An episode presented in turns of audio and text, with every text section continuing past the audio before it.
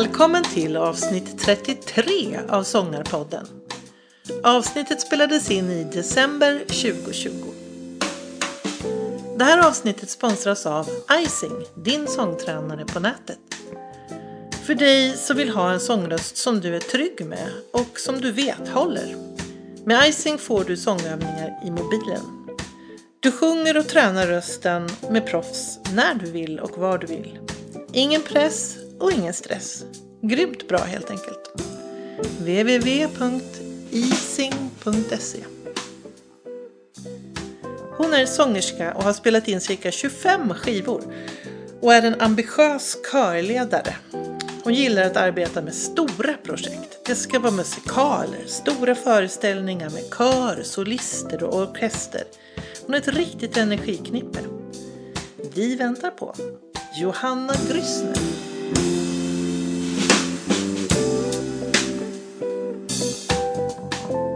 Välkommen till Sångarpodden, Johanna Grüssner. Tack så jättemycket. Vi, nu sitter vi sådär modernt på varsitt håll och spelar in eh, coronamässigt online. Härligt. Eh, jag är så himla glad att du ville komma till Sångarpodden. Första gången jag såg dig, det var när min man drog med mig på en körkonsert med Ålands projektkör. Och, för han hade en kompis som var med i kören och det var Queen-konserten. Ja, i Philadelphia kyrkan, Ja, i eller? Stockholm. Nej, Det var ju Ah. en riktig så här, jag var inte alls förberedd. Ehm, det var väldigt mycket energi och en jätterolig show och man blev mäkta imponerad. Eh, och inte minst av dig. Energiknippe, eh, fullt ös och en jättestor kör. Och, ja, häftigt. Berätta om, Ja, det var, det var tider det. ja, berätta om Ålands projektkör. Vad är, Det är en eh, stor kör. Ehm, men det är olika antal från år till år. Projekt till projekt ska jag säga. Så jag, jag är ju själv från Åland och ehm, startade den här kören för ungefär tio år sedan. Ehm, med utgångspunkten att alla som har ett bra gehör ska få vara med i den här kören. Eh, det spelar alltså ingen roll om man kan läsa noter eller inte, bara man har ett bra gehör. Ehm, och det har ju resulterat i då att eh, eh, väldigt många som har sjungit hemma i duschen men aldrig klarat av att sjunga i en väldigt notbaserad kör så, så har ju inte kunnat vara med tidigare. Men nu kan de det. Så det är en salig blandning av riktiga körrävar som läser noter jättebra. Och vi använder ju förstås eh, noter i körövningarna till en början. Men när projekt, eh, projektet närmar sig sitt slut och premiären eh, hägrar så då måste de memorera alla stämmor och lära sig alla texter utan till, till hela eh, liksom, föreställningen. Så, så att vi gör aldrig några konserter med nothäften, utan allt ska vara utan till. Och då är det ofta eh, minst fyra stämmor, ofta sex till åtta stämmor, som de då har fått eh, stämfiler inspelade av mig då till pianoackompanjemang. Och så har, har vi liksom mixat de här stämmorna så att om du till exempel är allt ett så ligger den Eh, i förgrunden eller, eller panorerad i ena örat och så hör man de andra stämmorna i, i det andra örat. Eh, så att man kan höra sin egen stämma och följa den eh, både text och melodiskt. Men man hör också harmoniken för att man hör de andra stämmorna eh, bakom. Och då får man ju både min eh, frasering, min tonbildning, min dynamik eh, och texten.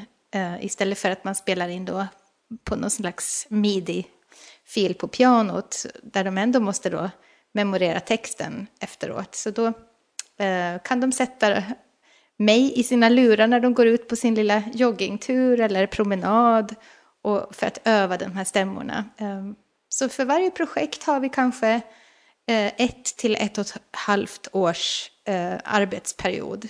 oj, mycket ja. jobb. Alltså också för Jo, dig att för, det- förberedelsetid liksom. Absolut. Vi, vi håller på, jag håller på nu och spelar in stämmor, stämfiler för en eh, föreställning som eh, vi tar upp anmälningar till först i januari. Och den föreställningen har premiär i slutet på maj 2022. Ehm, så det gäller att liksom hela tiden ligga steget före och ehm, ja, planera. För att det som tar längst tid, det är ju, det är ju faktiskt körarbetet. Och Det som är lite speciellt med just Ålands projektkör, det är att ehm, det har blivit som, eh, man kan säga en, en plats där jag får skapa en, en stor musikal eller en eh, musikteater. Eh, någon typ av dramatisk föreställning med musik och dans och orkester och scenograf och regissör och allting. Men det som ligger i fokus och som hela tiden ska vara utgångspunkten är kören. Eh, så istället för att man fokuserar på att ha de ehm, Eh, vilka solister, vilka som är liksom proffsen i förgrunden så, så är det kören som är själva hela, vad ska jag säga, kärnan och eh, kulissen men, men ändå i förgrunden. Och sen så lägger man till solister och dansare och orkester utifrån de här arrangemangen som, som kören gör. Det är lite spännande. Eh, ja, så det, var, det har ju varit ett, ett, väldigt, en väldigt spännande resa från att eh, vi började för tio år sedan med a tri- projektet A Tribute to Duke Ellington. Och då var det bara solist, trio eller kvartett med kören. Och i, ingen dramatik eller så. Men sen byggde vi upp det där och sen har vi gjort en egen version av Lejonkungen som vi döpte till En, en värld full av liv. Eh, jag fick eh, eh, pratade med Disney och vi fick alltså godkänt att göra den i dramatisk form. om vi inte kallade det för Lejonkungen Ah, utan att den fick heta En värld full av liv. Och det var också en fantastisk upplevelse. Och sen har vi gjort ett Tribute to Queen då som du har sett. Och, och nu senast Elvis. Men vi har också gjort en mm, egen skriven musikal om eh, le- legenden om Lucia som hette Syrakusas öga om Lucias öde och hon, vem hon var och var hon kom ifrån. Så det, det var en spännande föreställning också. Ja, man vågar inte fråga här riktigt vad är nästa... Ja, det är, en, eh, det är kanske det, det största och mest eh, arbetskrävande projektet som vi har tagit oss an. Eh, det är nämligen eh, en helt nyskriven föreställning eh, där min syster som är manusförfattare och regissör eh, har skrivit i ja, eh, något år nu ett manus som handlar om människans förhållande till havet och havets påverkan på oss och också eh, ur klimatsynpunkt. Och det har ju varit en utmaning för henne att eh, skriva en historia utan att använda pekpinnar överhuvudtaget. Att vi liksom, hon vill inte liksom ge några, eh, då, någon dålig kritik till, till mänskligheten utan hon vill bara belysa eh, belysa vår relation till speciellt Östersjön då med omliggande eh, länder och, och eh, använder sig av legenden om havsfrun och eh, havsfruns eh, döttrar. Och, så det, den kommer också innehålla solister och eh, dansare som både existerar på land men också under havsytan. Och kören eh, utgör då ja, kärnan i hela den här musikalen eh, med musik som är då komponerad av min min yngre syster. Mm. Så det blir ett, ett systerprojekt som vi har sett fram emot jättelänge. Um, men um, ja, vi får ju planera väldigt mycket på, på varsitt håll nu när vi inte kan träffas. Mm. Jag bor i Stockholm och mina systrar bor på Åland. Och kören kan inte träffas heller. Så det är en utmaning. Och mitt i, mitt i pandemin här så, så var vi med om en ganska tragisk eh, händelse där vår kapellmästare som har varit min högra hand och min, min liksom själsfrände i musiken under de här tio åren. Han gick hastigt bort, 36 år gammal. Nej, vad tråkigt. Uh, ja, inte i corona, men, men bara uh, hjärtat, eller halspulsådern uh, brast. Så det, det var väldigt, oh. väldigt, väldigt jobbigt ja. under flera månader. Och jag uh, svävar liksom mellan olika beslut. Att det bara, kanske det räcker med de här tio åren. Att jag nu liksom släpper allting. Att nu det är så mycket tankar också med, med corona och allting mm. som har fått en att tänka så mycket. Och, och sen kommer det här mitt i alltihopa. Och, um, det, det var jättejobbigt. Och det är fortfarande tungt. Men, uh, men jag har nu anlitat en ny kapellmästare. Som, uh, som är väldigt uh, engagerad, positiv. En härlig, varm ung tjej som känner eh, otrolig energi för att eh, eh, bita i det här. Mm. Så att vi, vi hoppas att, eh, att det ska finnas ny, någonting nytt att, att skapa nu. Mm. Eh, när vi kan, mm. helt enkelt. Um, oh, man blev lite tagen där.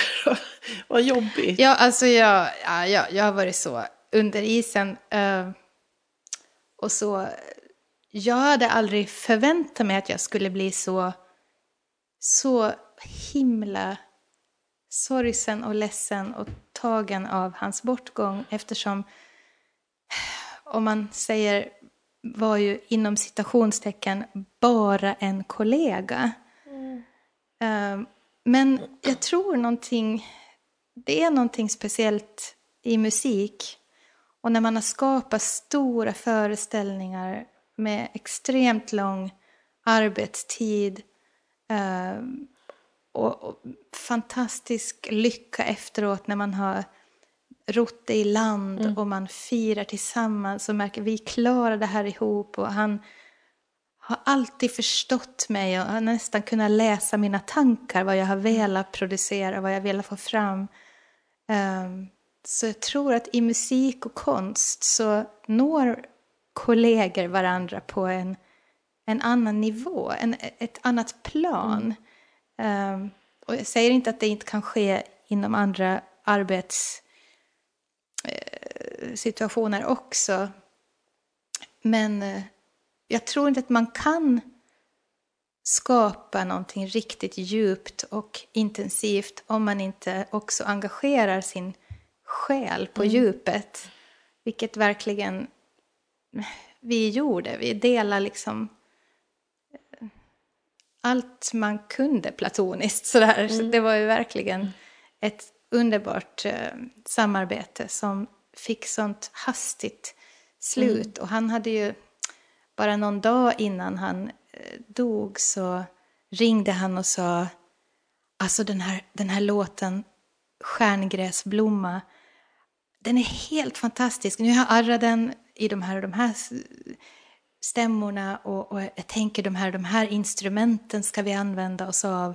Och, och den kommer bli så fantastisk med kören och han var helt eh, mm. lyrisk och engagerad. Och så jag har ju hans, eh, ja, hälften i alla fall av arrangemangen som vi kommer att använda är skrivna av mm, honom. Mm, och sen får får resten liksom byggas ut och ja. fyllas på. Då. Men det låter ju som en person som hade velat att ni fortsatte. Alltså att det blev någonting vackert av musiken och att det kom, blev en föreställning. Precis, och jag tror att, att det är det som också har gjort att jag orkar ta tag i det igen och fortsätta Mm. för att han kommer att finnas med på ett hörn eh, ändå. Mm. Och, och, så, och så måste ju livet vara på något sätt. Man måste, hur jobbigt det än är, så behöver man eh, fortsätta. Annars, ja, men det finns liksom inga alternativ. Då är det bara att ge upp. Ehm, och det, det vill jag inte göra. Dels, dels för att jag tror att jag själv mår bättre av att jag eh, ror i land nästa projekt och får ny energi av det. Men också för kören. Ehm, jag startade ju den här jättekören lite av ett experiment för att se om man kan få samma sammanhållning och värme och kärlek i en stor eh, kör på 100 pers som man vanligtvis har i en mindre blandad kör på 40 personer. Där alla känner varandra och man träffas privat och ja, det blir som en, en familj. Eh, och jag undrade liksom, kan, kan jag få den här känslan fast vi är så många? Och jag, jag tycker att vi har gjort det. Jag tycker vi verkligen, alltså folk kramas när de kommer på körövningarna och, och eh, bryr sig om varandra. Och, eh, och jag tycker att jag ser en, en väldig respekt mellan just de här erfarna, inbitna så, så, körsångarna som, som är väldigt notbundna och, och aldrig har lärt sig på gehör utan bara via noter. Och mellan de som inte kan läsa en enda not utan som lär sig allt på gehör. Och det är ju väldigt intressant för att de har ju helt olika utgångspunkt i vårt, våra projekt. Där de första veckorna eller månaderna blir väldigt lätt för de som läser noter. För de kan sitta på körövningen och följa med eh, hur lätt som helst. Eh, medan de kanske får det svårare och tuffare mot slutet när de ska memorera allting. Därför att de har varit så eh, trygga med den här no notbladet. Det. Medan de här som har lärt sig på gehör har det tufft i början. För att de inte har hunnit memorera de här stämmorna. Medan på slutet så är det ingen skillnad för dem att ta bort notbladet. För att då har de redan memorerat allting. Just så de har det enklare. Just liksom. det. Jag tänker att det är lite släkt med, jag hade Rasmus Krigström i podden för ett tag sedan, körledare för Zero Eight, en manskör. Han uttryckte det så, de, de har aldrig med noter vid sina konserter. Han menar på att det är, arbetet med kören börjar först när alla har lärt sig låten. För att det här med att stå och titta in, inte något fel med det, men det är ändå så att det blir som en begränsning. Att man måste lämna noterna bakom sig för att börja musicera och lyssna till varandra. var hans tes. Så det här låter ju Absolut. lite grann att du är inne på samma spår. Absolut, absolut. För att det är ju så viktigt att de, att de ser mig. Och så länge de har notbladet framför sig så, eh, så får vi inte samma ögonkontakt och de kan inte följa mig på samma sätt. Och eh, dirigentens uppgift är så otroligt viktig, inte bara för att slå in dem på rätt ställe och slå av dem på rätt ställe, utan allting däremellan eh, med dynamik och, och, och ögonkontakt och eh, eh, små miner och ögonblickar eh, och kroppsspråk. Eh. Jag tycker det är otroligt roligt att dirigera och leda kör, för det är som att det är som att spela ett instrument. Man kan liksom verkligen påverka dem när man har deras uppmärksamhet och ögon på sig så kan man ju verkligen göra så otroligt mycket det detaljerade grejer som man, eh, som man kan göra på ett instrument. Så det, det handlar ju verkligen om eh, kommunikation och tillit. Att de, de, de ska kunna lita på mig. Att, eh, jag brukar säga att, att blir det fel i kören, då är det alltid mitt fel, brukar jag säga. Um, därför att så länge ni följer mig och gör vad jag visar, då är det... Då, då, blir det, då blir det bra och då gör ni lika. Vare sig det blir fel, då är det mitt fel. Just det. det, det är liksom aldrig, aldrig ert fel så länge ni följer mig. Um, och det är det som är så kul också att våra föreställningar och konserter görs ofta fler än en gång. Eh, att vi, antingen så gör vi flera föreställningar på raken eh, för att det har varit sån bra uppslutning med biljettförsäljning att vi har fått lägga in flera föreställningar. Men, eller så åker vi på en turné runt, runt om i Finland ofta eh, och, och gör den på olika ställen. Och föreställningen blir sällan likadan två gånger. Uh, utan uh, i och med att man jobbar med levande musiker och, uh, och att kören kan sina saker och känner tillit till mig så kan man också experimentera som dirigent. Och nu bestämmer jag mig för att sätta ett format på den här mm. tonen plötsligt. Och bara de tittar på mig så gör de ju som jag visar. Mm. Och det är väldigt spännande. Och om de vet att jag kan överraska dem på, på olika ställen eh, och göra annorlunda så, så blir de också mycket mer måna om att följa mig mm. och titta på mig. Och, för att de vet att jag kan hitta på någonting nytt. och de vill inte de ja, vara de som spännande. sticker ut. ja.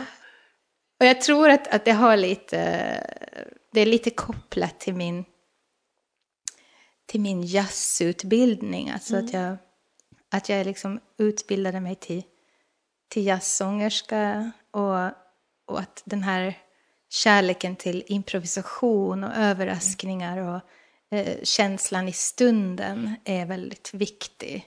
Att den friheten vill jag alltid ha kvar, mm. vare sig jag sjunger solo någonstans eller att jag leder en kör. Mm. Så ska det alltid finnas ett, eh, ett moment av överraskning eller nytänkande, nyskapande vare sig man har gjort föreställningen förut. Ja, vad spännande. Det, alltså det där går ju bra, tänker jag, när man är solist själv. men en hel kör, det är ju ganska ovanligt. Ja, nej men det kanske det är. Och jag tror att, att det handlar väldigt mycket om den där tilliten. Mm. Uh, och den, den är ju förstås, det är ingenting man får över en natt, utan det måste man ju verkligen arbeta på som vilket förhållande som helst, tänker jag. Mm. Uh, att tro, tro på er själva och lita på mig så kommer det här att gå bra. Mm. Uh, och um, jag, jag tror att jag är en ganska snäll körledare. Mm. Jag är inte den här typen av körledare som, um, som skäller när de sjunger falskt eller skäller när de sjunger fel. Utan eh, det finns mycket humor i vår relation och vårt arbete och um, mycket sarkasm och ironi. Och, um, och de får naturligtvis läxa till nästa gång, bakläxa, det här gick inte bra, det här måste ni lära er mm. till nästa gång och så vidare. Um, men uh, eftersom det är en amatörkör, även om det är en bra amatörkör, de är duktiga och de är målinriktade och så, så eh, vill jag inte att det ska kännas som... Eh, så länge det är frivilligt så ska det vara roligt. Mm. Det måste kännas som att de eh, lär sig att de gör någonting bra och då är det mycket viktigare för mig att lyfta fram allt det de gör bra. Mm. Eh, och sen ta fram det de ska förbättra förstås. Eh, och jag tycker att det funkar alldeles förträffligt och det blir också positivare, roligare körövningar när de känner att åh, jag klarade det här och mm. det gick bra. Ja, det är klart. Och då, då blir det ju eh, en positivare stämning. De känner sig mer peppade att, att lära sig resten lika bra som den där biten de gjorde bra. Och Mm. det blir liksom en positiv spiral. Ehm, för hela utgångspunkten är ju själva arbetet fram till föreställningen, tycker jag. Att det, är ju, det, det ska vara en, en vardag som gör att de eh, längtar till körövningarna. Att åh, nu kommer den där helgen när vi får sjunga tillsammans. Eh, Det ska inte vara det att, eh, ja, nej, låter det inte tillräckligt bra så då får vi väl stryka den här föreställningen. Det, det, det är arbetet dit som jag tycker är det viktiga. Liksom. Och sen är det ju klart att, att det är ju viktigt för mig att slutresultatet håller en hög standard. Eh, Men där har jag ju då eh, an, använt mig av, av en, en, pro- alltid en professionell ensemble, en, en professionell orkester som, som spelar, vilket lyfter kören otroligt mycket. Ehm, och har alltid um, audition för solisterna. Ehm, sen spelar det ingen roll för mig var de här solisterna kommer ifrån. Om det är eh, någon erfaren musikalsångare som har stått på teaterscener i tio år. Eller om det är en eh, eh, fyrbarnsmamma från landet som har bara sjungit hemma i duschen. Det, det har ingen betydelse för mig utan det gäller att hitta känslan och att eh, rätt karaktär och rätt röst för rätt roll liksom. Um, och, och den där kombinationen har ju, det förstod jag ju inte när jag började, men det har ju visat sig vara ett otroligt lyckosamt koncept. För blandar du amatörer och proffs i en föreställning eh, där alla känner den här viljan att lyfta varandra och att alla har samma mål, att det här ska vi göra tillsammans och det ska bli jättebra. Där proffsen lyfter amatörerna och amatörerna gör allt för att de ska hålla nivån på det professionella planet så, så blir hela slutnivån blir så mycket, mycket högre Ja. än vad det kanske hade blivit om man bara hade tagit in en pianist och kört en konsert eh, i en helt vanlig sal från början till slut. Nu använder vi oss av eh, professionell teknik och ett väldigt snyggt designat ljus. Eh, de har scenkläder och det blir liksom någonting som lyfter deras, eh, eh, deras arbete. Och, och, och att få stå då på en jättestor teaterscen framför hundratals eh, människor. Ofta så har vi premiären i Kulturhuset i Mariehamn då för 500-600 personer och sen är det ny föreställning kvällen efter och kvällen efter. Och för de här gröna sångarna som aldrig har uppträtt förut, att få se stående ovationer och jubel efter att de har stått och sjungit eh, i två timmar eh, sånger som de har arbetat så hårt på i ett och ett halvt år. Och nöt, nött, nött, nött de här stämmorna. Kommit på körövningar. Det blir sån, eh, sån seger för dem. Och, och det är ju inte sällan som, som tårarna rinner både på, på körsångarna och på mig och på publiken liksom. När man har nått i mål. Vad fint. Mm, verkligen. Men jag hör, det är så ro, hör, härligt att höra dig berätta. Jag tänker, må- många som jag har pratat med som pratar om det här med eh, amatörer och det vår, jag är ju själv amatör så jag får ta åt mig det. Men att när man, det finns något så här, en härlig kraft i att eh, man eh, inte har malts ner av att det här är ens yrke. Utan Eh, tillfällena på scen är färre och eh, det är som att man ja, lever ut sin dröm så att säga. Och det finns någonting härligt i den energin som kommer ut då.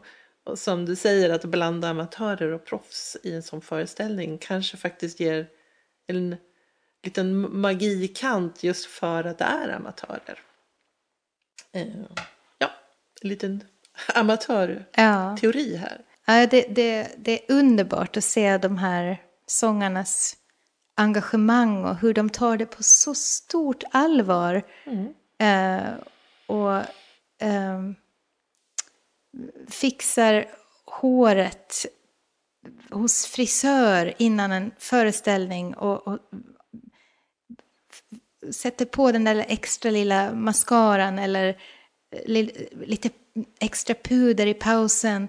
Och då är de ändå en sångare av hundra mm. som står där uppe och, eh, och på något sätt ser sin egen roll i den här jättestora produktionen som lika viktig mm. som alla andras. Ja. Eh, och det är ju det som är så underbart att mm. se, att det är ingen som tar, tar arbetet med en klackspark och Nej. tänker att ja, men jag hörs ändå ingenting, Nej, att jag är bara en liten myra i det här. Mm. Utan, och jag tror att det är en förutsättning för att det ska bli så bra som mm. det blir också. Just det. Vad roligt att höra. Du nämnde jazz. För jag vet att du, du är ju inte bara körledare, du är en fantastisk sångerska också. Eh, och jag vet att du lämnade Åland och for till USA för att utbilda dig. Jo, det gjorde jag. Eh, det känns helt overkligt idag. eh, så här, 20 år senare, när, efter att jag har kommit hem därifrån. Eh, men, så det känns lite som en dröm att jag har bott där i åtta år och studerat och verkat och nästan höll på att stanna kvar där. Ja, visst, för visst var det så? Att det var så att du höll på att etablera dig som sångare? Ja, ja det var, jag var verkligen helt eh, inne i det där livet och hade blivit förälskad i New York och um, hade liksom mina gigs på olika jazzklubbar och um, var också, de har ju som en eh, tradition och kultur i USA att man kan också hyras in som uh, körsångare i olika körer och man kan läsa noter, vilket jag uh, tidigt förstå att det var viktigt att kunna. Så att jag är jätteglad för det idag. Ehm, speciellt som körledare så är det viktigt att kunna höra direkt om en stämma sjunger fel eller att man kan ehm, hjälpa till snabbt eh, för att titta på svåra ställen och sådär. Så jag jobbade också på söndagmorgnar i olika gudstjänster och hoppade in som allsångare där det behövdes extra hjälp och eh, ja, förtjäna mitt levebröd både som eh, solist och som körsångare och som eh, lärare i en grundskola i Bronx för att betala hyran och tjäna pengar. Så mm. jag hade liksom ett liv där verkligen. Mm. Men för du utbildade dig på ja. Berkeley, visst var det så? Jag har gått två, två skolor. Jag gjorde min eh, kandidat, min Bachelor of Music på Berkeley College of Music i Boston. Mm. Eh, där jag också fick min pedagogikexamen. Ehm, men sen trivdes jag så mycket i studielivet och kände att ju mer jag lärde mig desto mer hade jag att lära. Så att mm. jag kände mig verkligen inte fullärd på något sätt. Uh, så att jag gjorde min magister uh, i New York, flyttade dit och började på Manhattan School of Music. Mm. Um, där jag gjorde min um, magister i uh, jazz performance, mm. jazz voice performance. Då. Så att, um, jag, uh, sen var det väl bara doktorerande kvar, men det kändes inte så nödvändigt. ja, det tog ju ett abrupt slut efter jag hade jobbat några år efter examen så, så blev ju de här Twin Towers World Trade Center attackerat mm. 11 september och då hamnade min situation i ett helt annat läge och jag um, hade dessutom träffat min nuvarande man um, som är från Sverige. Hade jag träffat sommaren innan så att jag, jag uh, ja, tog ett ganska snabbt beslut att nej, nu flyttar jag till Stockholm och startar ett liv där mm. istället. Men vad, jag bara um, lite nyfiken, så här, vad, det var ju för sig ett otroligt dramatiskt eh, tillfälle när det hände. Men på vilket sätt påverkar din situation sen efteråt? Ja, eh, till saken hör att jag, jag hade ju drivit mig själv väldigt, väldigt hårt mm. under de här åren. Mm. Eh, speciellt åren efter studierna var avklarade så eh, jobbade jag otroligt mycket. Um, jag har ju alltid haft en förkärlek att starta egna nya projekt och när jag jobbade som musiklärare i Bronx på en grundskola för ganska utsatta barn och det var ju bara jag som var musiklärare där för 2000 Oj. plus elever. Ja. Så var det ju ganska hård vardag. Eh, men det gav mig ju så otroligt mycket för att det var den enda stunden på dagen där de, där de fick eh, utlopp för sin energi. Mm. Eh, jag kommer in i klass, det fanns inget musikklassrum utan jag fick ju komma in i klassrummen med gitarr på ryggen och köra sång med dem. Och många av de här barnen bor i lägenheter med sju syskon och det är väldigt trångt och de mm. har aldrig sjungit i sitt liv och nu plötsligt så får de utlopp för, för den biten och, och älskade att sjunga verkligen. Mm. Och, eh, om du går i en skola utan skolgård och du har inga raster utan lektionerna ligger direkt efter varandra hela tiden. Oj. Och det är så här, nästan militärisk disciplin mellan lektionerna för att för att det överhuvudtaget ska gå att hålla, hålla ihop skolan så, så de blir väldigt eh, inramade de här barnen och mm. då blev musiken ett sätt för dem att verkligen, verkligen få ja. Eh, brista ut i sång. Ja, och eh, ja, det var helt underbart. Ja. Så då startade jag en en kör i den skolan. Självklart. Eh, såklart, det måste man ju göra. Ja. Och det var ju jättespännande för hur startar man en kör på en skola på 2000 elever där mm. alla vill vara med och sjunga i kören? Och det går ju inte. Eh, så jag fick, jag fick göra det den, den hårda vägen genom att jag faktiskt eh, eh gjorde en, en provsjungning med varenda elev i hela skolan. Så de, jag satt ute i korridoren utanför varje klassrum och så, under en veckas tid och så fick varje elev komma och sjunga Happy birthday mm. för mig i korridoren. Och den eleven som kom till oktaven Happy birthday, ah.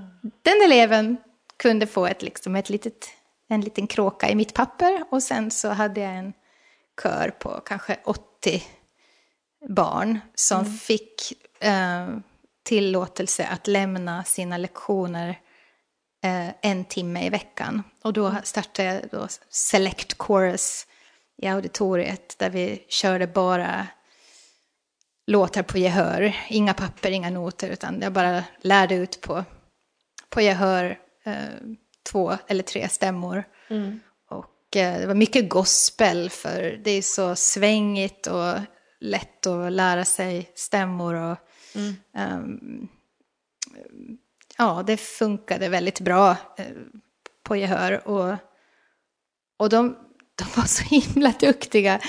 De var så bra. Och det, var, det fanns ingen botten och ingen, inga gränser på hur de uttryckte sig och hur de uh, sjöng från hjärtat och själen. Och, mm det där gav ju mig en kick som heter duga. Så att jag började ju planera för eh, konserter och vi gjorde turnéer och vi började, vi var med i en, en, national, nationell sån här körtävling där de gick till, till final till och med. Oj, vad kul! På Grand Central Station med barnkörer från, hela, mm. från hela USA. Mm. Det var jättehäftigt. Och, och det, liksom, det ena födde det andra och jag kände bara nej, jag, jag blev ju så förälskad i de här barnen. De var ju så ljuvliga. De blev liksom mina egna barn till slut. Mm. Och jag kände bara att nej men de här barnen har aldrig sett någonting annat än Bronx. Mm. De, eh, de flesta, jag skulle säga nästan 90-95 procent eh, hade sitt ursprung eh, eh, andra generationens invandrare från Puerto Rico eller Dominikanska mm. republiken. Många pratar spanska hemma och, och, har aldrig sett något annat land än, än USA och Bronx. Så det var ju ingen som hade pass eller något sånt. Och många frågar liksom var, var jag kom ifrån som blond och blåögd och bröt på, på något annat konstigt språk. Eh, precis som dem egentligen. Men, men då började jag samla pengar i alla fall till en körresa. Eh, till Åland förstås. Är det sant? Det, de måste ju få se var jag kommer ifrån. Här, jag vet ju var de bor. Och, så vi samlar pengar till en eh, till en stor körresa en vecka till Åland. Oj. Så maj, eh, när var det? Maj, maj 2001 var det. Det var bara tre månader innan 11 september uh. som vi eh, åkte iväg till Åland på turné. På turné till Åland. uh, där de fick bli liksom de här riktiga uh, stjärnartisterna och höll konserter för för stående ovationer och, och ja, det var så häftigt där de fick vara riktiga artister och att de här barnen fick skaffa sina första pass och, och, och bli någonting väldigt, ja den här resan gav ju dem, hoppas jag, eller jag vet för jag har fortfarande kontakt med många, ja. ett minne för livet helt ja, enkelt. Ja det är klart, herregud vilken grej. Ja, det var, det var helt fantastiskt. Men och alltså... Där, ja. Så det var, det var väldigt spännande. Och det där fick New York Times nys om. Så att uh, när vi stod på flygplatsen så kom det ett helt nyhetsteam och den här New York Times-reporten uh, frågade mig om att kan jag få följa med på den här resan till Åland? Oj. Så plötsligt så eh, hade jag både tv-kameror och, och tidningsreportrar med på den här resan. Och det blev eh, väldigt, väldigt stor medial grej också. Mm. Eh, vilket är ju lite kul att de här barnen fick uppmärksamhet och att eh, eh, världen fick se en solskenshistoria istället för bara ja. Eh, den, det, liksom, ja, den sorg man hör på nyheterna. Liksom. Så hon skrev en bok senare eh, när hon kom tillbaka, den här New York Times-reporten, för det blev ju flera artiklar under resans gång uh. då. Um, som fick mycket uppmärksamhet. Så hon, hon fick ett bokkontrakt och skrev en, en bok om mig och de här Bronxbarnen och vår relation och hela vår resa tillsammans. Och så. Det var fint. Det var lite kul. Seven days of possibilities. Wow. Men den översattes aldrig till svenska, tyvärr. Men uh, den finns någonstans i alla fall. Men ja, vad roligt. Mm. Det, var, det känns som att då var det ju mycket som du lämnade bakom dig när du valde att... Det är inte bara ett jobb på en grundskola utan Nej, många uh, relationer. Och... Absolut, absolut. Men jag tror att Eh, jag tror att jag visste någonstans i bakhuvudet ändå att min vistelse i USA skulle bli begränsad. För jag visste redan när jag åkte till USA att jag har en genetisk progressiv muskelsjukdom. Mm. Som skulle liksom bli sämre och värre med åren. Um, och att um, jag visste att jag en, en dag kommer jag att behöva trappa ner, en dag kommer jag att behöva ha ett tryggt socialt skyddsnät med en uh, stabil sjukvård. Jag behöver finnas nära familj och, mm. föräldrar. Och, um, livet i New York är ju kanske mer anpassat för en ung och stark människa mm. än för en handikappad person. Um, både hur samhället är uppbyggt socialt men också rent fysiskt med trappor och mm. långa avstånd. Och, så sen kan man ju alltid spekulera i om mitt tempo som jag körde på under åren i USA, om det var på grund av att jag visste att, mm. att min energi kommer att bli begränsad. Eh, att jag behövde hinna med så mycket som mm. möjligt. Eller om, eh, ja, vad som var hönan och ägget, det är svårt att säga. Mm. Men, men idag, eh, när jag lever ett lugnare liv och inte kör på lika hektiskt som tidigare så är jag ju väldigt glad att jag gjorde den här mm.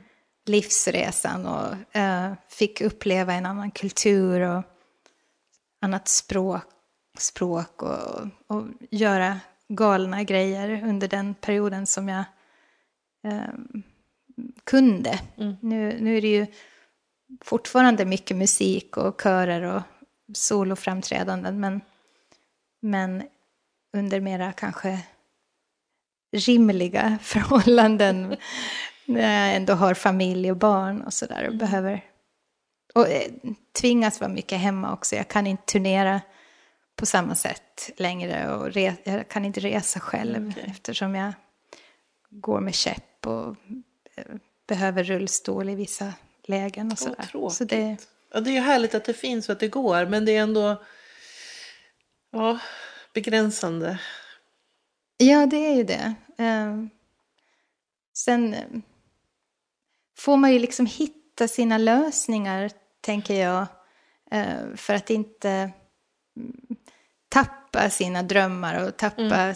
det man är bra på. Alltså mm. det är bra på är jag ju ändå bra på fast jag inte eh, kan göra samma fysiska grejer längre. Så att, och det där har ju varit väldigt lärorikt också, framför allt inom eh, körledarskapet, att jag orkar inte hålla upp armarna på samma sätt som jag gjorde för mm. tio år sedan. Mm. Nu är det tungt efter en liten stund. Och, ja. Um, då är ju det väldigt... tänker man ju inte på. Alltså man måste Nej. hålla i flera timmar ska du Precis, och eftersom... Ja, exakt. Ja. Nej, så eftersom de här eh, svagheten i mina muskler ligger just i, i bäckenet och i skuldrorna så är det väldigt ah, tungt att lyfta upp just. armarna. Men då får man hitta andra lösningar som att använda sig väldigt mycket av ansiktet och ah. ögonkontakt och uttryck och munnen och rörelser med, med läpparna och mima. Och, och det är otroligt vad man kan få fram ur en kör utan att använda sina händer. Mm.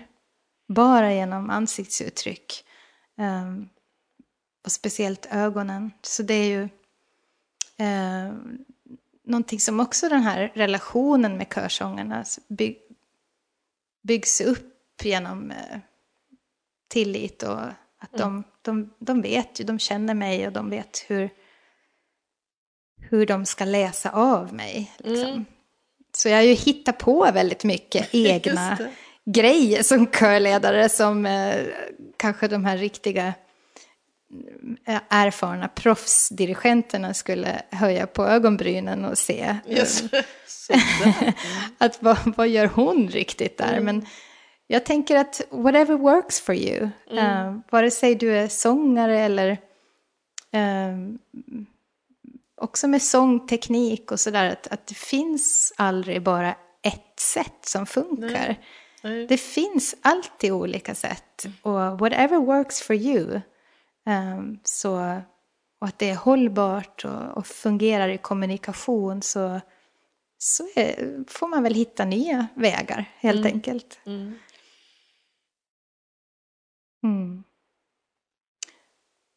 Så det är väl min plan att fortsätta även om jag får eh, leda kören från en, en rullstol så får jag väl göra det då. Mm.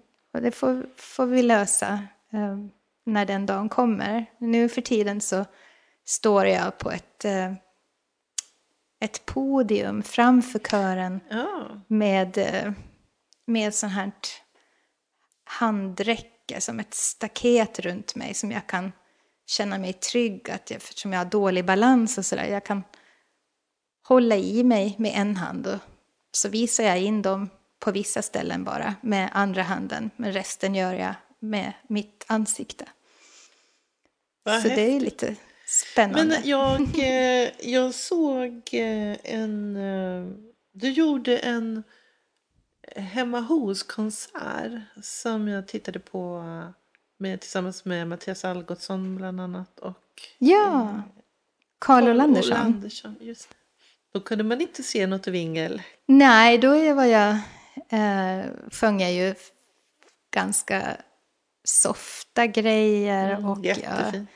hade ganska nära till flygen så jag kunde liksom känna tryggheten i att om jag vinglar till så kan jag alltid sträcka ut handen och hålla i mig i flygen sådär.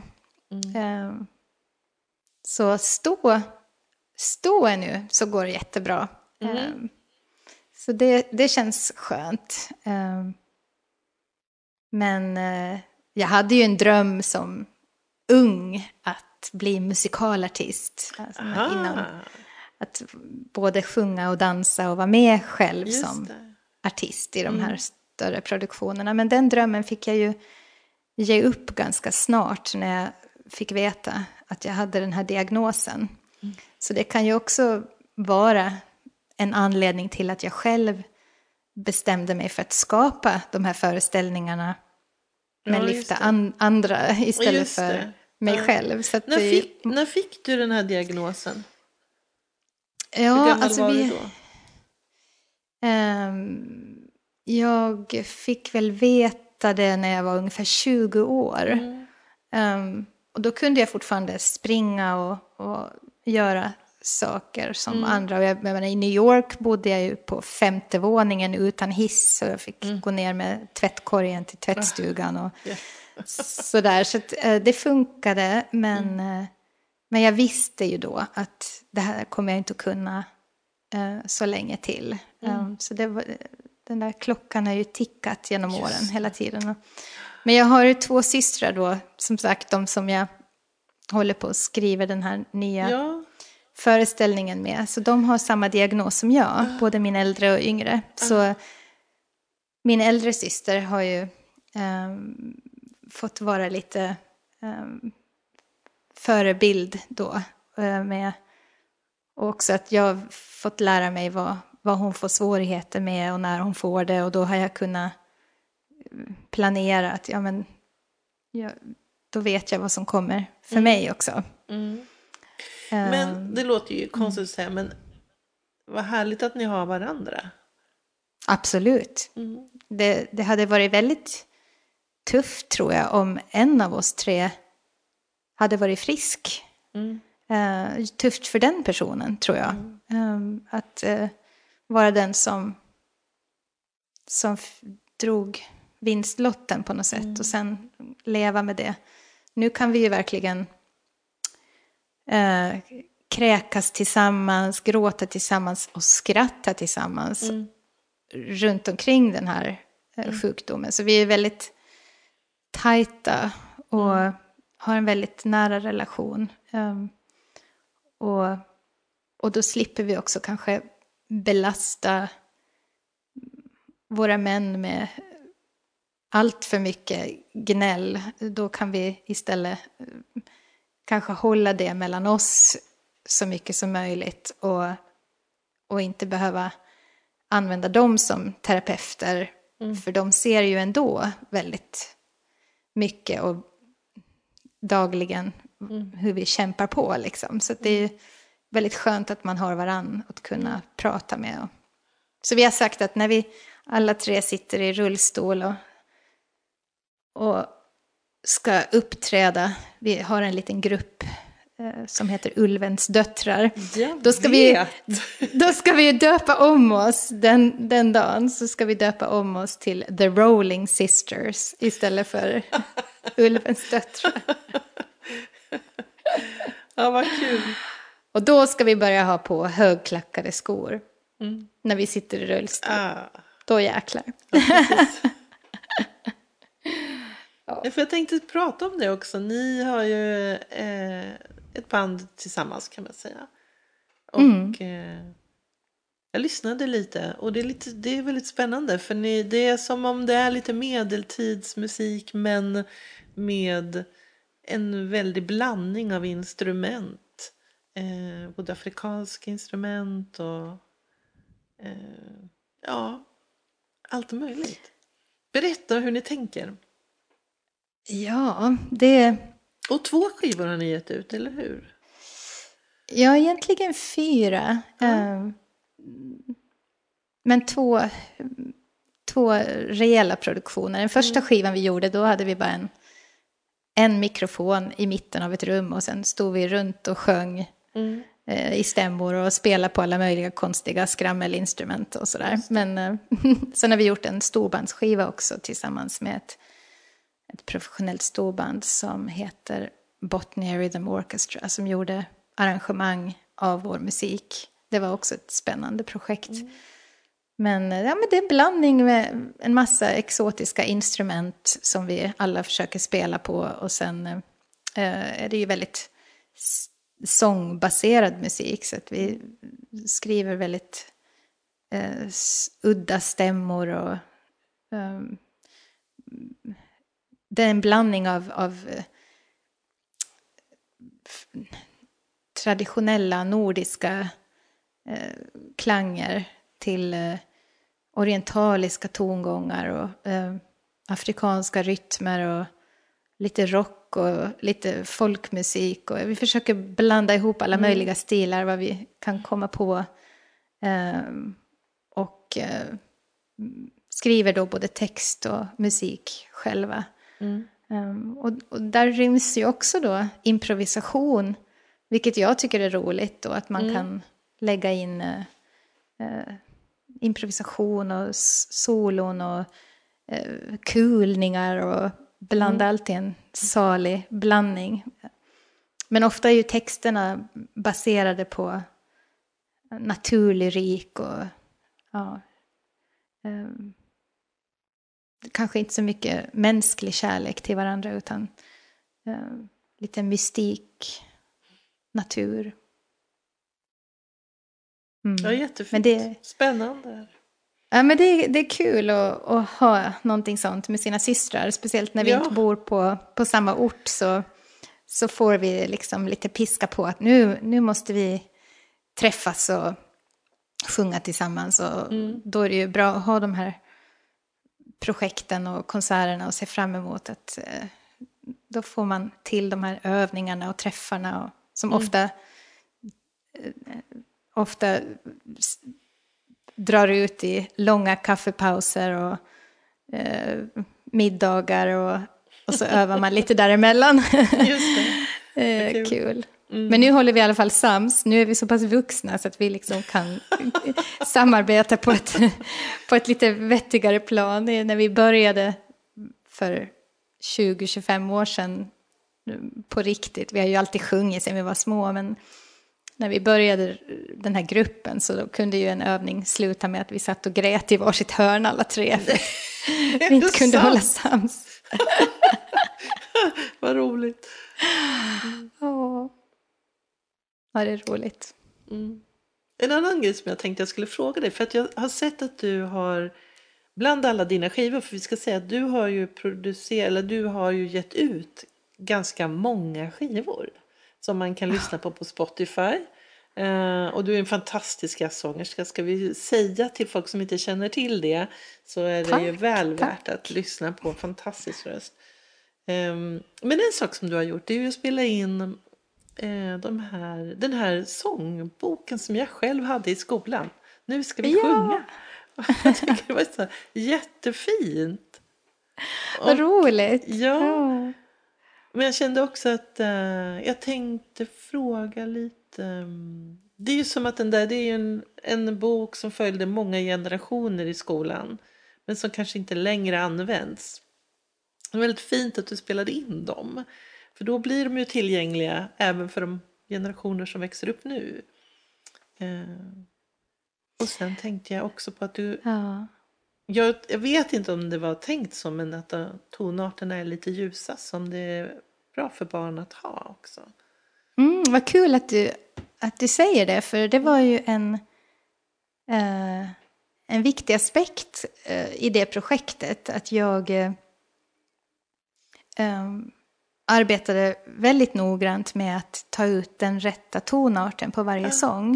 Eh, när jag pluggade på Berkeley i Boston så var min eh, vad heter det, specialty i, inom, inom just pedagogik, eh, pedagogiken då, hur, var just barnröster. Ehm, och det som eh, framkom väldigt eh, in, intressant och lärorikt un, under den här perioden jag studerade det här så, så var ju just det här att, att eh, vikten av att anpassa varje sång till den tonarten som passar barnrösten bäst.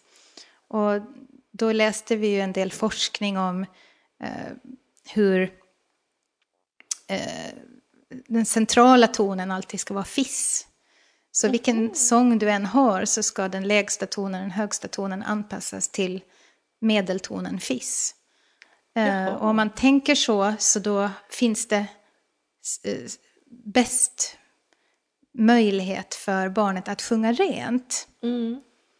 Ehm, och det där använder jag mig av förstås också i undervisningen i Bronx och i andra barnprojekt som jag har gjort efter det och under årens lopp. Och jag tycker att det är väldigt intressant för det fungerar verkligen. Ehm, Och därför kan man ju bli lite sorgsen när man, när man eh, hörde sina barn sjunga på dagis, på förskolan när de var små och leds av, av eh, eh, förskollärare som, som förstås in, naturligtvis inte har den kunskapen eller erfarenheten att de sjunger liksom sångerna i ett sånt lågt tonläge att barnen inte kommer ner.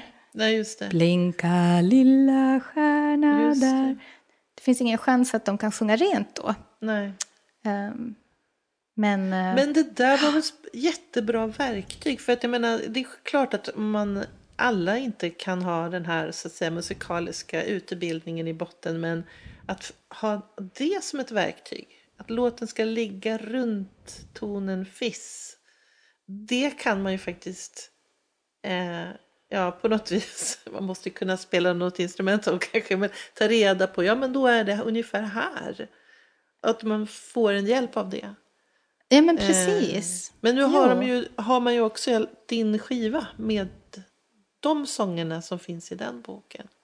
Ja, men precis. Mm. Så det är meningen då att barnen ska kunna sjunga med de här sångerna.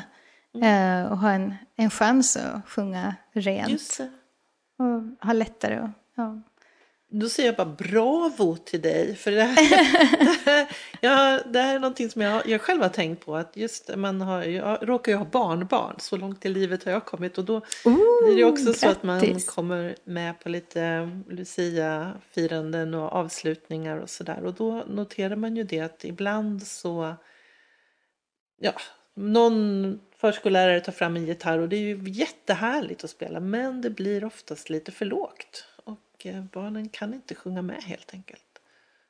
Nej, nej, precis. Nej, det, det är viktigt när man jobbar med barn att man hittar tonarter som fungerar. Sen är det ju klart att alltså min dotter hon går nu på Adolf Fredriks musikklasser och där är ju tonarterna betydligt högre än, eh, än eh, där jag ligger på Vi ska vi sjunga-skivan till exempel. Mm. Men eh, det är ju barn som sjunger varje dag, som har en, mm. en erfarenhet av eh, uppsjungningsövningar och, och eh, en teknik som gör att de kommer upp betydligt högre än vi vuxna också. Mm.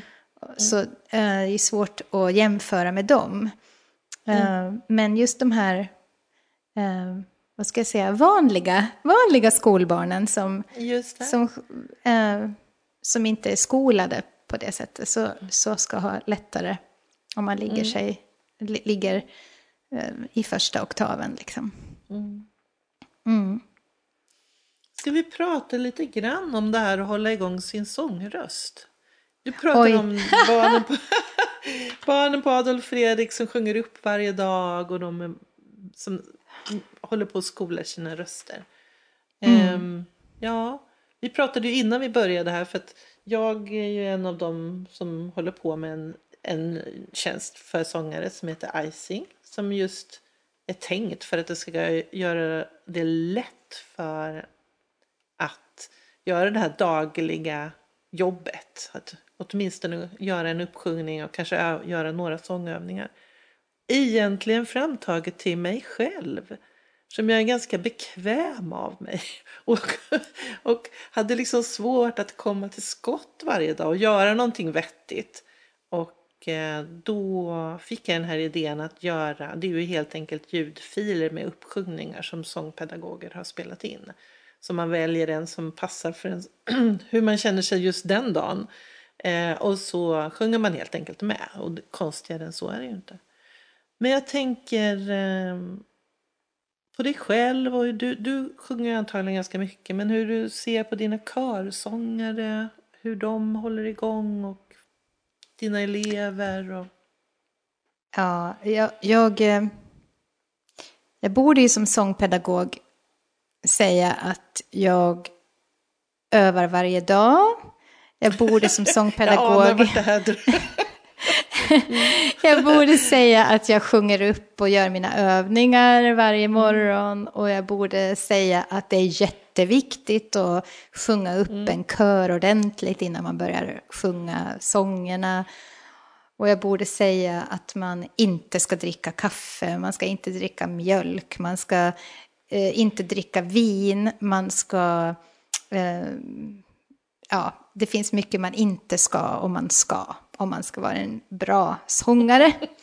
ja. Eh, men, men, med det mm. sagt så kan jag säga att jag är eh, den första förbrytaren av alla dessa saker. Mm. Jag dricker mitt kaffe. Jag dricker inte mjölk i och för sig, men däremot så unnar jag mig ett glas vin någon gång. Och jag eh, sjunger inte mina övningar varje dag Um, och jag... Uh, det finns körövningar när jag känner att jag har gjort en uppsjungningsövning och så säger jag screw this, nu kör vi bara. Mm. Och uh, jag tror att um, det viktiga för våra sångröster och vår uh, Alltså, det, om man är amatör, om man säger så, eh, körsångare, så är det viktigaste att hålla igång och sjunga, vare sig det är i duschen eller med kompisar mm. eller på en körövning. Och det allra viktigaste är inte att du, det är inte superduper viktigt att göra varenda sångövning och uppsjungningsövning varje körövning i en kvart. Eh, jag tror inte det. Jag tror att det viktiga är att man eh, sjunger, var, mm. var det än är och vad man gör. Mm. Sen, sen tror jag ju det här med, med den här distanseringen och den här hela coronapandemin. Uh, tyvärr har den ju kanske gjort åtminstone mig latare, fast det borde ju vara, det borde ju vara tvärtom. Att nu har jag ju den möjligheten, jag är hemma hela tiden, jag borde ha en annan eh, tid och möjlighet att, att sköta den här självdisciplinen och, och verkligen hålla igång rösten och öva och sjunga varje dag. Mm. Men eh, så har det ju inte blivit, utan man har ju lite tappat den här stinget och eh, eh, har inte samma inspiration faktiskt. Um, och det är jättesynd. Uh, det händer ibland att jag liksom, idag, idag ska jag sjunga och då mm. övar jag och sjunger tills jag nästan blir hes för att jag får sån energi och tycker det är jättekul och så kör jag mm. på alldeles för länge liksom. Men uh, um, jag tycker inte att om, om övningar och teknik blir någonting som gör att man känner att man inte orkar ta itu med sången, om det blir ett hinder eller sådär, då, mm. då, då är det något som har blivit fel. Det ska mm. vara roligt. Mm. Det ska vara roligt att sjunga, punkt. Och sen om du mm. äh, sjunger upp dig i två minuter eller i tio minuter eller ingenting alls. Det måste vara beroende från dag till dag liksom. Mm. Mm. Jag tycker mest att det är svårt att, som du säger, att när man blir hemma nu mycket med corona så blir det liksom så just det där att nu har man ju en massa tid och så kommer man sig ändå inte för. Så att, det är ju där någonstans problemet uppstår. Um, man, tapp, man behöver liksom någon sorts push. Man behöver någon sorts, ja. någon som sparkar lite i ändan så man kommer igång. Ja, men jag tror att det här grupp, mm. gruppdynamiken är så otroligt mycket viktigare än vad man har förstått. Mm. Um, jag menar, min kör har sina stämfiler. Vi skulle ha gjort en, en uh, konsert nu i mars nu inkommande mars 2021 med eh, Lars-Erik Larssons Förklädd Gud mm. tillsammans med, eh, med Stockholms symfoniorkester. Uh, men den, i och med att vi inte kunde träffas som kör så fick, var vi tvungna helt enkelt att, att skjuta på den uh, mm. tills efter den här andra föreställningen som vi har i 2022. För att vi, vi kommer inte att träffas tillsammans. Så även om mm. de har haft mina stämfiler och kunnat öva på egen hand så har de inte haft den, den uh, inspirationen. Mm. Att öva på egen hand när de inte mm. vet när vi ses nästa gång. Jag tror att det, det har jag verkligen insett att oj vad de här gemensamma träffarna är viktiga. Mm. Även om de har stämfiler. För då har vi setts var tredje helg eller en gång i månaden. Och då vet de precis att ja, men nästa körövning kommer vi att gå igenom de här och de här sångerna. Och då ska ni kunna de här och de här stämmorna. Och då har de en målsättning. Ja, men då ska jag lära mig det här tills vi ses. För man vill mm. ju kunna vara med på övningen och göra bra ifrån sig. Men om man inte träffas, då mm. får man inte de här. Och det är väl lite samma sak för mig som solist. Jag har inget gig just nu som är inbokat för en, eh, har en turné i sommar 2021. Det är ju massa månader dit. Just det. Och eh, skulle jag ha gig om två veckor, då skulle jag öva nu varje dag. Men mm. jag känner inte den pressen. Nej. Uh, och det, det, tror jag är jätteviktigt att vi kommer igång med de där jobben. För eh, mm. märker ju det både som körledare och solist och också mina elever som jag har på Södra Latin, mina sångelever, att de att ha sånglektioner på distans är inte samma grej som att sitta Nej. i samma rum. Eh, de får inte samma självdisciplin att öva. Och, och det, det hoppas jag verkligen att, att uh, kommer tillbaka. Och det tror jag att det gör Mm. Sen när allting blir som vanligt. Um, mm. att, uh, men det kommer att ta tid tror jag. För att det är nog må många, många körsångare som har på något sätt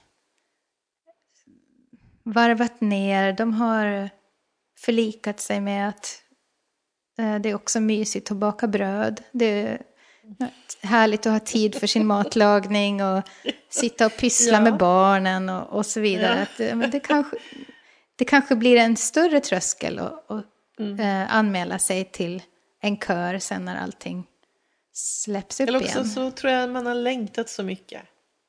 Så jag ja, jag hoppas att, att, det, ja, att det blir det så. Jag. Ja, det tror jag. Johanna, jag tänkte varje, nu är det här helt oförberett för dig för att, men jag, varje avsnitt så har vi ditt tips till lyssnarna. Som, och lyssnarna är ju sångare, både i Sverige och vi har många lyssnare i USA och i Tyskland också. Så ja. Mm. Och du får gärna ge dem ett tips av vilken art du än vill. Så du får välja. Inom musiken? Då ja, kanske? Är det någonting som du tycker är viktigt? Ja.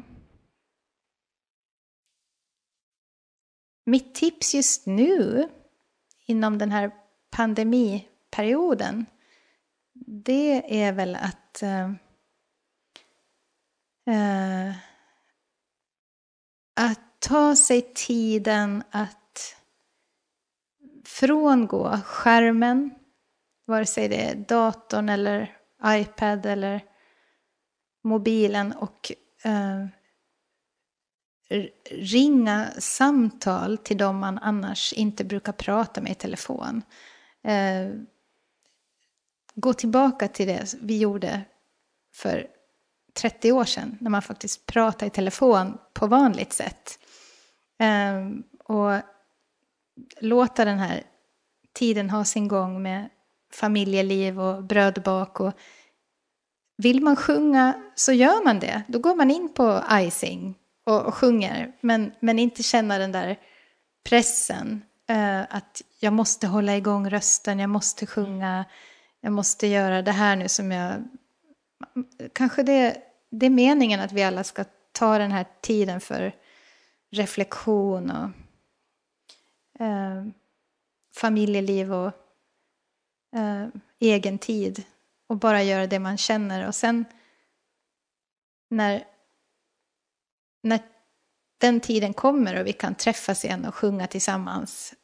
Eh, att verkligen göra det. Eh, anmäla sig till den där kören, vare sig man har sjungit tidigare eller inte. Eh, för det är ju verkligen vetenskapligt bevisat att det är otroligt bra för oss att sjunga. Det, det är som den bästa terapi vi kan göra för oss själva. Då får vi utlopp för så mycket och vare sig det, det liksom resulterar i rensång eller bara glädje eller tårar, det spelar liksom ingen roll.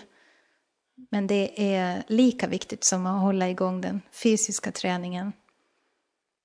Um, men att inte känna stressen just nu. Eh, den tiden kommer, tänker jag. Jag fick själv ett samtal i, i var det i, igår eller i, för, nej, förrgår var det, fick jag ett samtal av, av min gamla körledare mm. från Åland. Eh, som jag har lärt mig jättemycket av. Eh, och vi pratade tror jag i en och en halv timme. Och han hade alltså inget ärende. Och det var det som var så himla härligt. Utan han bara ringde mm. för, att, för att säga hej och kolla läge och prata. Och det var så härligt att få bara prata med honom eh, i telefon. Inte på på skärmen och inte på sms eller mm. mail utan höra hans röst och, och höra den dynamiken och tonerna i rösten. Och det tror jag är jätteviktigt nu under den här perioden mm. och kanske också efteråt att vi lär oss bli bättre mm. på att, att ringa och bara prata strunt med varandra. ja men det är som du säger, vi har ju tid nu. Så, mm. Mm. Jättehärligt. Vad härligt att prata med dig Johanna. Detsamma. Det var jätteskönt. Ja, jättestort tack för att du ville vara med i Sångarpodden. Tack för att jag fick vara med.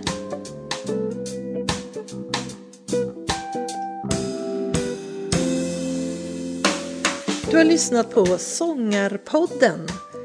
Vill du ha mer information eller få länkar till artister med mera så gå då till vår egen webbplats www.sangarpodden.se du som är sångare och tycker att det är svårt att hålla igång din sångröst. Kolla in Icing, din sångtränare på nätet. Gå in på www.icing.se ising.se så får du veta mera. Vi hörs!